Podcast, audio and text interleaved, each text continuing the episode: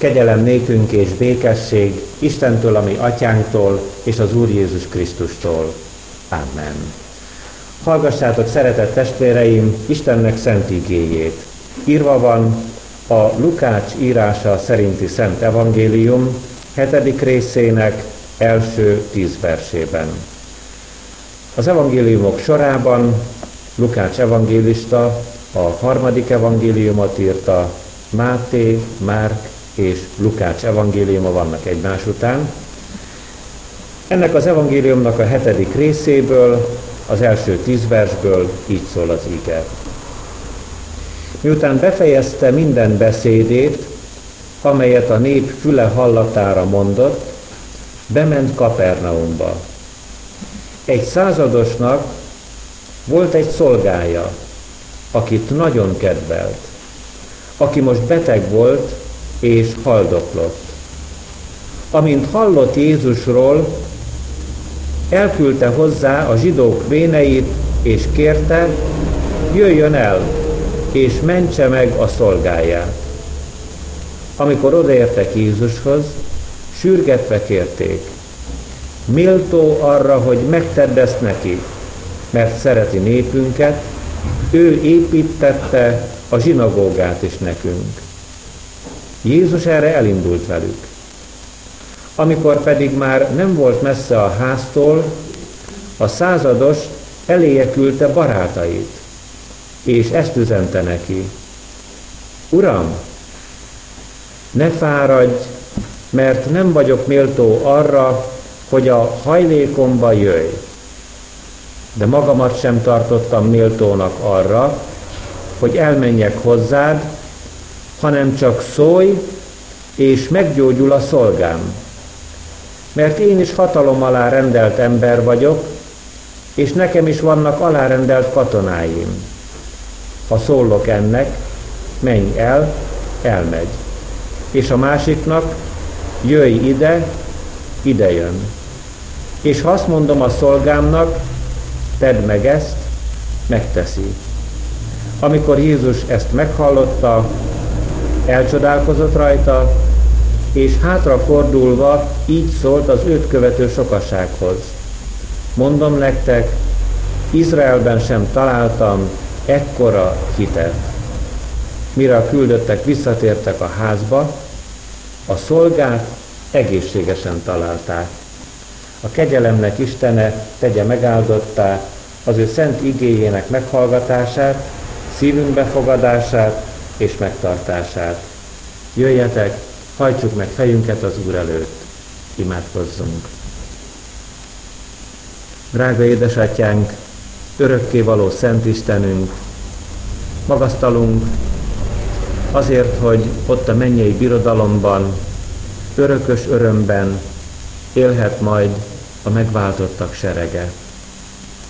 Köszönjük, hogy csodálatosan előkészítetted ezt a találkozást velünk, amikor elküldted egyszülött fiadat ide a mi világunkba, hogy éljünk általa.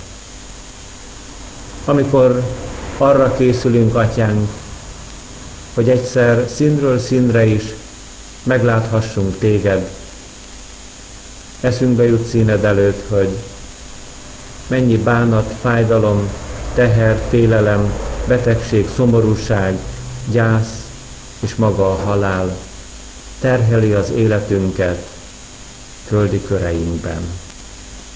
És te mégis itt is, ezen a helyen is, velünk vagy Szent Fiatban, a világ végezetéig, megszólíthatóvá váltál szemzelked által, sőt, éppen rajta keresztül kaphatunk vigasztalást, ha sebeket ütött az életútunkon, a sátán a szívünkön. Légy segítségül, atyánk, hogy fel tudjuk fogni a te csoda dolgaidat, alázatos és engedelmes hittel. Hogy meg tudjuk nyitni a szívünket és egész életünket előtted, szereteted áradása előtt. Légy velünk az ige hallgatásában és a bizonyságtételben is, hogy a te ígéd elérje célját, elvégezze a maga munkáját, hogy hálás, boldog gyermekeitként távozhassunk haza majd otthonainkba. És most őrizd meg a szívünket magadnak, nyisd meg a Te igédet, hallgass meg könyörgésünkben, édesatyánk, fiad nevében az Úr Jézusért kérünk. Amen. Istennek szent igéje szólít meg bennünket, szeretett testvéreim, a Lukács evangéliuma hetedik részének második és harmadik verseiben eképpen. Egy századosnak volt egy szolgája, akit nagyon kedvelt, aki most beteg volt és haldoklott. Amint hallott Jézusról, elküldte hozzá a zsidók véneit és kérte, jöjjön el és mentse meg a szolgáját. Eddig Isten üzenete.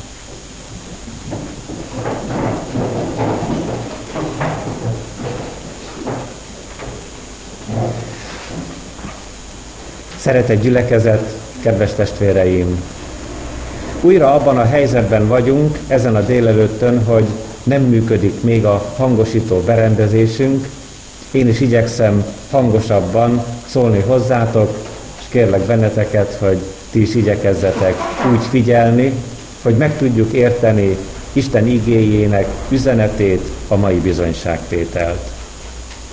A Kapernaumi százados története igen megragadó és ismerős mindannyiunk számára a Szentírásban.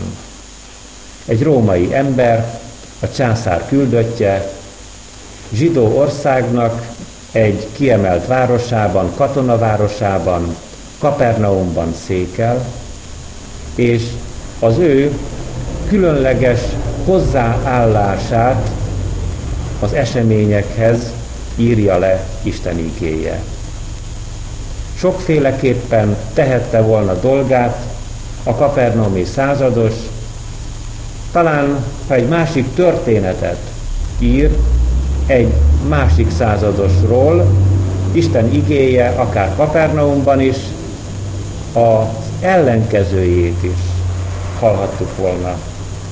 Gyűlöletről, erőszakról, gonoszságról, itt pedig ennek az embernek a szívében árad a szeretet, megnyílik azok felé az emberek felé, akik felé be is csukódhatott volna. Úgy is foglalhatnánk össze ennek a mai bizonyságtételnek a gondolatait, hogy mi most egy örömszerző emberrel találkozunk a kapernaumi százados személyében.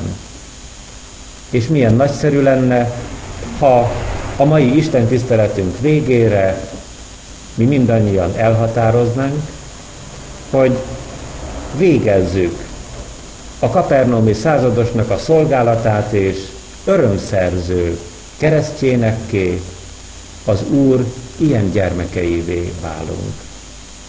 Egyébként, kedves testvéreim, most mivel nekem megadatott a lehetőség, hogy szemből lássalak benneteket, az a megállapításom, hogy kevés kivétellel mindannyiótoknak szomorú az arca. Legalábbis, mintha nem volnátok jókedvűek. Lehet, hogy ennek oka van. Lehet, hogy csak egy Isten tiszteletnek a bevezetése, ennek az oka, hiszen eljöttünk egy nagy nyári melegben, és hát kicsit zajosak is az autók, és még jobban is kell figyelnünk, miért is örülhetnénk. Pedig Isten szent lelke azt szeretné elérni.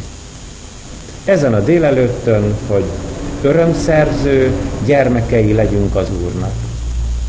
És hát örömöt szerezni leginkább azt tud, akinek magának is van valamilyen öröm forrása, aki tudja azt, hogy hova kellene elmenni, kihez kellene elmenni, kivel kellene beszélgetni, ki által lehetne feltöltődni arra, hogy örömöt tudjunk szerezni.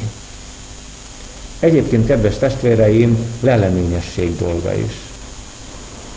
Úgy is mondhatnám, hogy az elméletet át kellene ültetni gyakorlatban.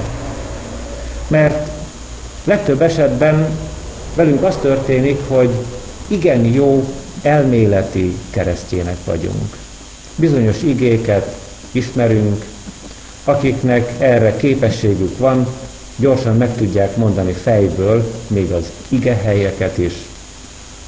Azután olvassuk Isten üzenetét bizonyos rendszerességgel, és aztán, ha őszinték vagyunk önmagunkhoz, egyszerre csak azzal szembesülünk, hogy nagyon nehéz életgyakorlattá tenni az ígét. Hogy amivel találkozunk, a leírt drága sorokban, amiket az Úr Jézus Krisztus szeretettel felkínált nekünk, azt a mindennapi életben meg kellene valósítanunk. Hát most azt szeretné elérni Isten szent lelke, hogy egy picikét kizökkenjünk, kimozduljunk az elmélet területéről, és legyünk örömszerző keresztjének. Meg kell mondjam, kedves testvéreim, hogy inkább szeretek az Úr Jézus Krisztusról, dicsőségéről, szeretetéről, hatalmáról, áldásairól predikálni, mint emberekről. Mert ő hibátlan, büntelen, örökkévaló egy az atyával és egy a Szentlélekkel. De néha mégis megengedi nekünk, ami Istenünk, hogy egy-egy emberi életen keresztül figyeljük meg a magunk életét. Mert hogyha mi mindig az Úr Jézus Krisztushoz mérnénk önön életünket, akkor vagy kétségbe esnénk, vagy elszomorodnánk, vagy pedig hit harcunkat feladnánk, hiszen ki érhetné el azt a tisztaságot és azt a szeretetet, azt a hibátlanságot, azt a maximalizmust, amit testében, földre jötte és földi szolgálata idején megélt köztünk az Úr Jézus. Ezért találkozunk az ígében bizonyos emberekkel, akik elénk élhetik a hitnek keskeny útját. Hát ilyen a kapernaumi százados. Olyan valakivel találkozunk, az ő személyében, akitől azokat, amiket találunk, egyáltalán nem várhatjuk el. Egy katonától lehetne várni keménységet, durvaságot, konok szavakat, néha igazságtalanságot is, hatalomvágyat, és semmi ilyennel ennek az embernek az élete útján, ami le van írva az igében, nem találkozunk. Hanem ő egy örömszerző ember. Nézzük meg, hogy háromszor egymás után hogy sikerül neki örömöt szereznie. Az első örömszerzés úgy van leírva az ülkében, hogy él ez az ember Kapernaumban, nyitott szemmel jár, és látja a zsidó embereket, akkoriban 11 férfinak kellett összegyülekeznie, hogy imádkozhassanak, és hát azt veszi észre, hogy nincs zsinagógájuk. Hogy hol az egyik házban vannak, hol a másik házban, hol a szabad ég alatt, hol itt folyóparton, és arra gondol, hogy ő épített nekik egy zsinagógát. Nyilván, ha ő ezt valóra váltotta, azért tehette meg, mert katona ember lévén vagy gazdag volt, vagy pedig olyan széleskörű kapcsolatokkal rendelkezett, hogy akár Kapernaum városában talán még császári pénzekből is épülhetett ez a zsinagóga. Minden esetre örömöt akart szerezni az ott levő zsidóknak, és megépült ez az épület. Szabad röviden és zárójelesen elmondanom azt, kedves testvéreim, hogy most, a mi időnkben is, ilyen tágszívű, ilyen jó kapcsolatokkal rendelkező, szeretetben gazdag emberekre nagy szükség volna. akár Szabótelepen is, hogy öt vagy tíz éven belül ez a kis épület, amelyikben most vagyunk, megszépüljön, hogy már távolról is észrevehessék az erre járó emberek, hogy itt egy kis imaház volt, és lett belőle egy templomocska. Adja meg az Úr, hogy megtörténhessen velünk ez a csoda. Aztán a Kapernaumi százados történetében felfedezünk egy másik örömszerzést. Ez az ember, mivel beteg a szolgája, elküldi a zsidó vezetőket az Úr Jézus Krisztushoz, rajta keresztül, rajtuk keresztül szeretnék kérni az Urat, hogy jöjjön és gyógyítsa meg a szolgáját. Figyeljük csak meg az ő előadásukat. Sürgetve kérték, mármint a zsidó vezetők az Urat. Jézus Krisztus, te gyere el a kapernaumi századoshoz. Gyógyítsd meg a szolgáját, mert méltó rá, mert szereti a népünket, és a zsinagógát is ő építette nekünk. Mi van ott elrejtve ebben az ige versben, amit a zsidó vezetők mondanak az Úrnak? Szereti a népünket. Egyáltalán nem természetes. Az lett volna természetes, ha azt mondják a zsidó vezetők a kapernaumi századosnak, századosról, az Úr Jézusnak, hogy hát Uram, gyere el, mert félünk ettől az embertől. Gyógyíts meg a szolgáját, mert elküldött bennünket, de egyébként egy gonosz alávaló ember tönkre akar tenni bennünket. Gyűlöl minket. Inkább segítsünk rajta, hogy megszabaduljunk tőle. De nem erről van szó. A zsidó vezetők szabad szívvel mondják. Szereti a népünket. Kedves testvéreim, azóta is keressük mi ezt a kapernaumi százados mintát a köreinkben. Mert bizony mi azt mondjuk, hogy ezek a szlovákok gyűlölik a magyarokat, meg a románok is gyűlölik a magyarokat, és a szerbek úgy szintén, és talán az ukránok se nagyon szívlelnek bennünket, az osztrákok pedig lenéznek minket, és aztán még talán azt is mondjuk, hogy mi is ugyanígy vagyunk ezzel. Milyen csodálatos dologgal találkozunk itt. Egy örömszerző ember, akiről az van feljegyezve Isten igéjében, szereti a népünket, mármint a római katona a zsidóságot. Ezt az első két örömszerzést itt le is zárnánk, és a harmadikkal fogunk részletesebben foglalkozni. A harmadik örömszerzés csodája így válik ismerőssé Isten igéjéből számunkra, a kapernomi százados szereti a szolgáját. Az ige úgy fordítja az új fordításban, hogy akit nagyon kedvelt. Hát kedves testvéreim, megint csak valamilyen természetellenes dologgal kell szembenéznünk itt.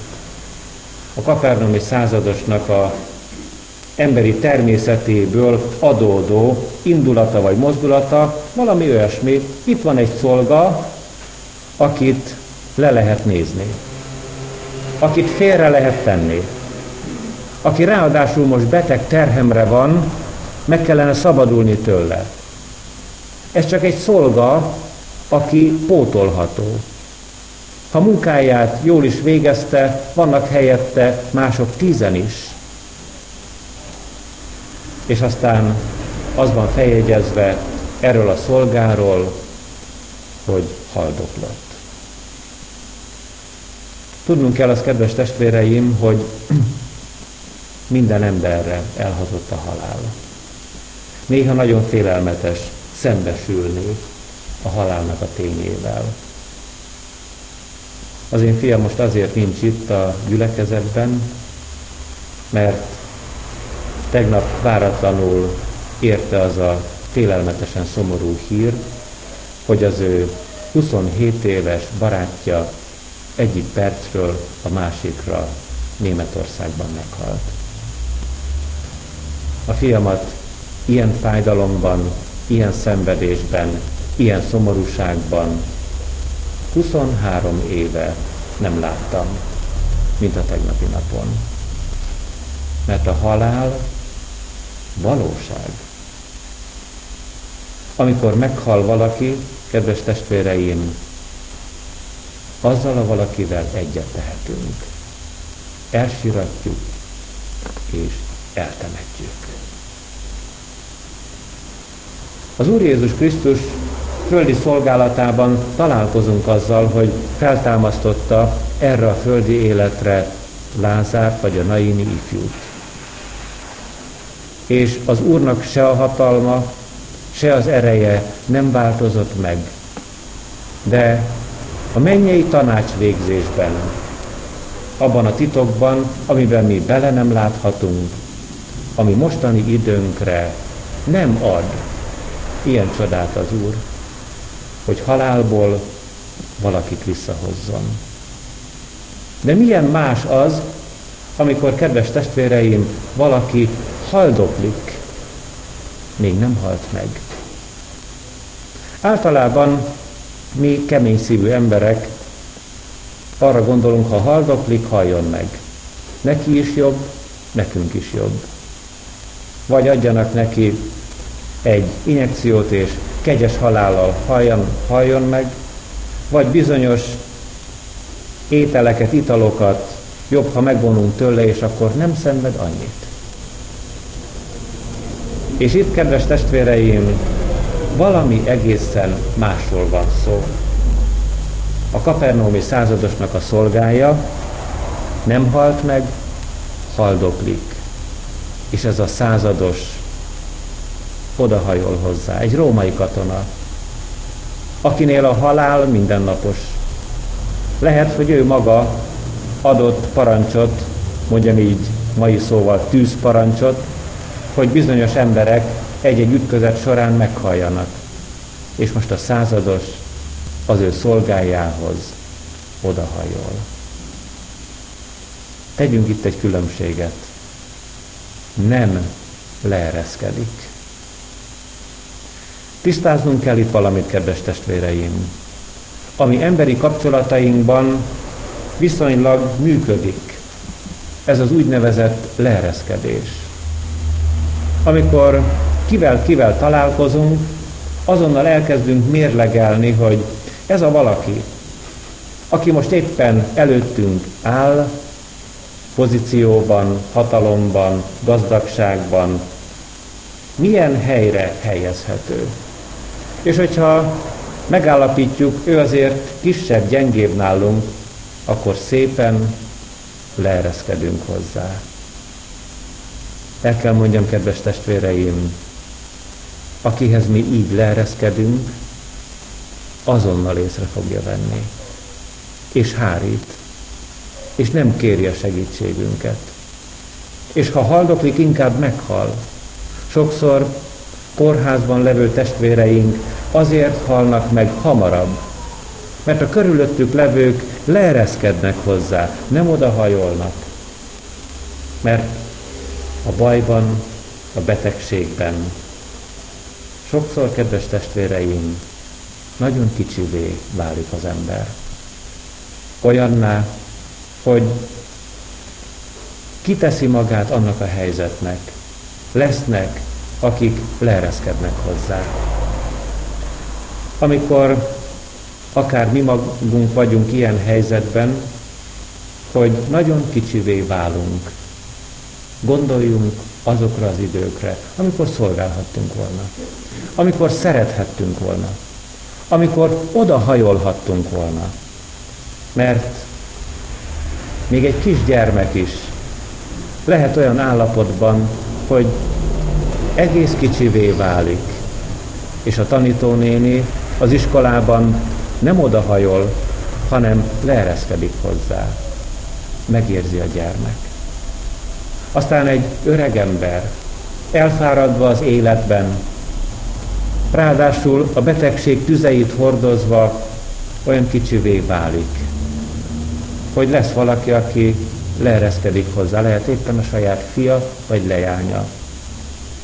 Türelmetlenül ellátja, és rögtön észre fogja venni a megöregedett édesanyja vagy édesapa, hogy nem odahajolt az ő gyermeke, csak leereszkedett.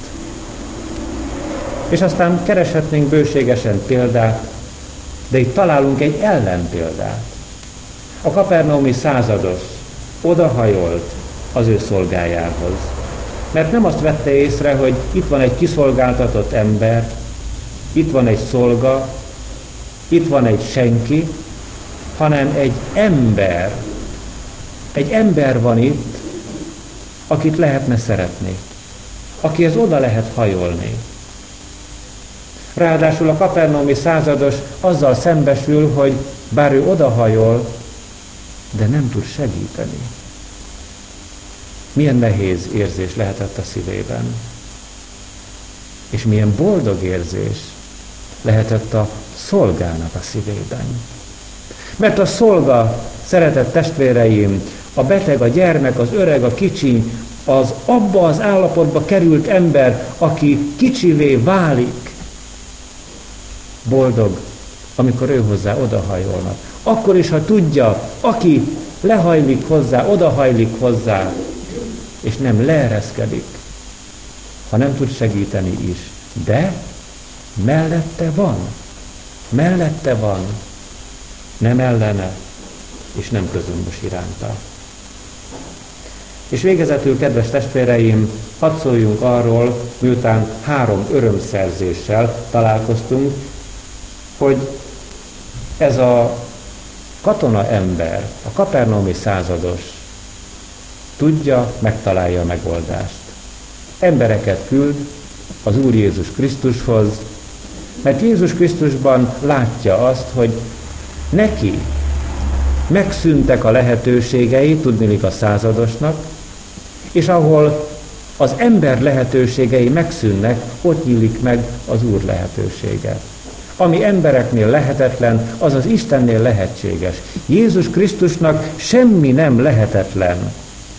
Mint ahogyan Péter egy alkalommal Liddában azt mondja a nagy beteg, hát gutaütött vagy agyvérzéses Éneásnak, hogy gyógyítson meg téged a Jézus Krisztus. És meggyógyult, és teljesen egészséges lett. Éneász abban a pillanatban. Most mennek az emberek, a kapernaumi százados küldöttei Jézus Krisztushoz a szolgáért. És amíg azok mennek, és elmondják mindazt, amiről már szóltunk ebben a bizonyságtételben, megy egy másik delegáció, a századosnak a barátai, akik közelebb állnak a szívéhez.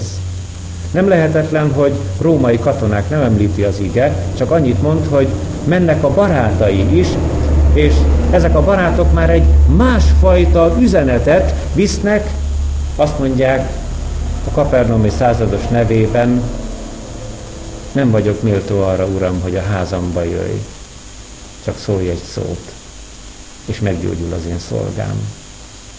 A zsidók mit mondanak? Méltó arra, hogy megted neki.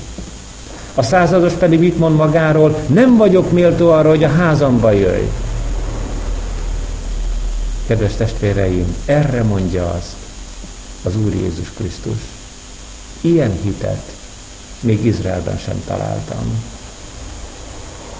Vagyis felismeri a kapernaumi százados azt, hogy az Úr Jézus szavában van az élet. Hogy nem kell ceremónia, nem kell liturgia, nem kellenek különleges kézmozdulatok, nem kellenek bizonyos előírt szabályok, hanem ha szól az Úr, akkor meg fog gyógyulni az ő szolgája, és meg is gyógyult. Mert az ígének, a testet öltött ígének, Jézus Krisztus szavának hatalma van.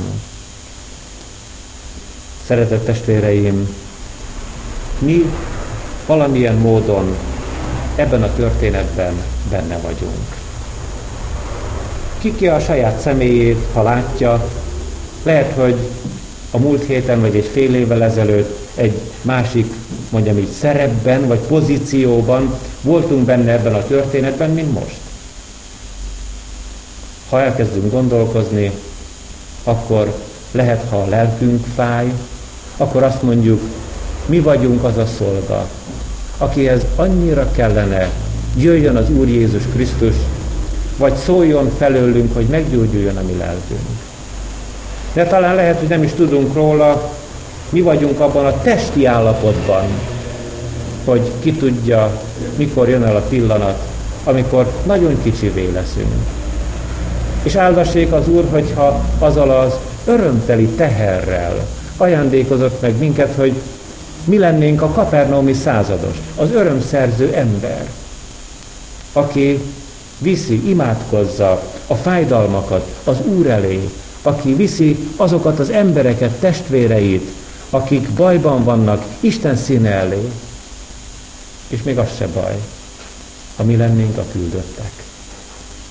Akik valamilyen módon látjuk a helyzetet, de a szívünk annyira nem érintett, mert a zsidó vezetőknek is fájt annak a szolgának az állapota, de azért ők egy üzenetet vittek. A barátok is, akik a kapernomi századostól mentek, megint egy más minőségben szolgáltak. Benne vagyunk valahogy ebben a történetben. De ha választhatnánk, akkor milyen jó volna örömszerzőknek lenni. Tegyük meg, ahol meg lehet. Szerezzünk örömet szeretteinknek, családtagjainknak, ismerőseinknek. Derítsünk az arcokra fényt és mosolyt, és hintsük az Úr szeretetét szerteszét, hogy a mi szívünkben megszülessen az az élő reménység, még a halál felett is van Úr. Ő az egyetlen Úr, aki legyőzte a halált, aki velünk van minden napon a világ végezetéig. Amen. Drága Uram, jövünk hozzád abban a helyzetben, amiben éppen vagyunk. Köszönjük, hogy Te olyan csodálatos módon tudod vezetni a lépteinket, hogy nem a mi erőnkből, nem a mi tudásunkból, nem a mi emberi képességeinkből telik ki az a jó, az a csoda, hogy öröm fakad emberi ajkakon, hanem te rajtunk keresztül tudsz tenni valami nagyszerűt, és minden kincs, minden ajándék te tőled származik. Segíts, hogy kitegyük az életünket annak, hogy áramoljon a Te ígéd szívünkön át, életünkön át, hogy békesség, hála és szeretet győzzön azokon a helyeken, ahol győzhet erőszak, hatalom, gyűlölet, gonosz emberi indulat is. Segíts, hogy embert lássunk, és testvért lássunk a másik emberben. Segíts megértenünk, hogy ne használjuk ki sokaknak kiszolgáltatottságát, hanem ha tudjunk odahajolni testvéreinkhez. Ments meg bennünket leereszkedő motorosságtól. Őrizd meg attól, hogy felülről hidegen, közönösen szemléljünk emberi fájdalmakat. Add, hogy a tekintseidből merítve tudjunk vigasztalni, bátorítani, segíteni embereket. És amikor ránk szakad a fájdalom, hogy tehetetlenek vagyunk, hogy olyan erőkkel, a halál erőivel állunk szemben, amikor minden lépésünk, minden tudományunk, minden ismeretünk, minden emberi igyekezetünk hiába valónak tűnik, akkor is őrizd meg magadnak. Akkor is add meg nekünk azt a bölcsességet, hogy mi minden dolgunkkal hadd mehessünk Te hozzád. Még akkor is, hogyha halált látnak a szemeink, mert Te legyőzted a halált. Te csak egy másik minőségbe, vitted át azokat, akiket tőlünk elszólítottál. Áldott légy, hogy ott, ahol véget ér a mi útunk, te egy új utat nyitsz meg. Ott, ahol mi már megszólalni sem tudunk, ott szól a te igéd. Köszönjük, hogy győztes, hatalmas úr vagy, mindenek felett és helykészítetik a benned hívőknek te nálad. Maradj velünk és erősítsd a hitünket. Segíts, hogy tudjuk hűen fogni a te kezedet, hogy tudjunk igazán bízni te benned, hogy tudjuk kinyitni időről időre az életünket előtted. Köszönjük, hogy ma eljöhettünk, köszönjük, hogy te valóban mellettünk vagy, add, hogy mi is ott lehessünk testvéreink mellett. Hallgass meg könyörgésünkben, szent lelkedért. Amen. Együtt mondjuk el Jézus Krisztus imádságát. Mi, Atyánk, ki vagy a mennyekben, szenteltessék meg a Te neved. Jöjjön el a Te országod, legyen meg a Te akaratod, mint a mennyben, úgy a földön is. Ami mindennapi kenyerünket add meg nékünk ma, és bocsáss meg a mi védkeinket, miképpen mi is megbocsátunk az ellenünk védkezőknek. És ne vigy minket kísértésbe, de szabadíts meg minket a gonosztól, mert tied az ország, a hatalom és a dicsőség, mind örökké. Amen.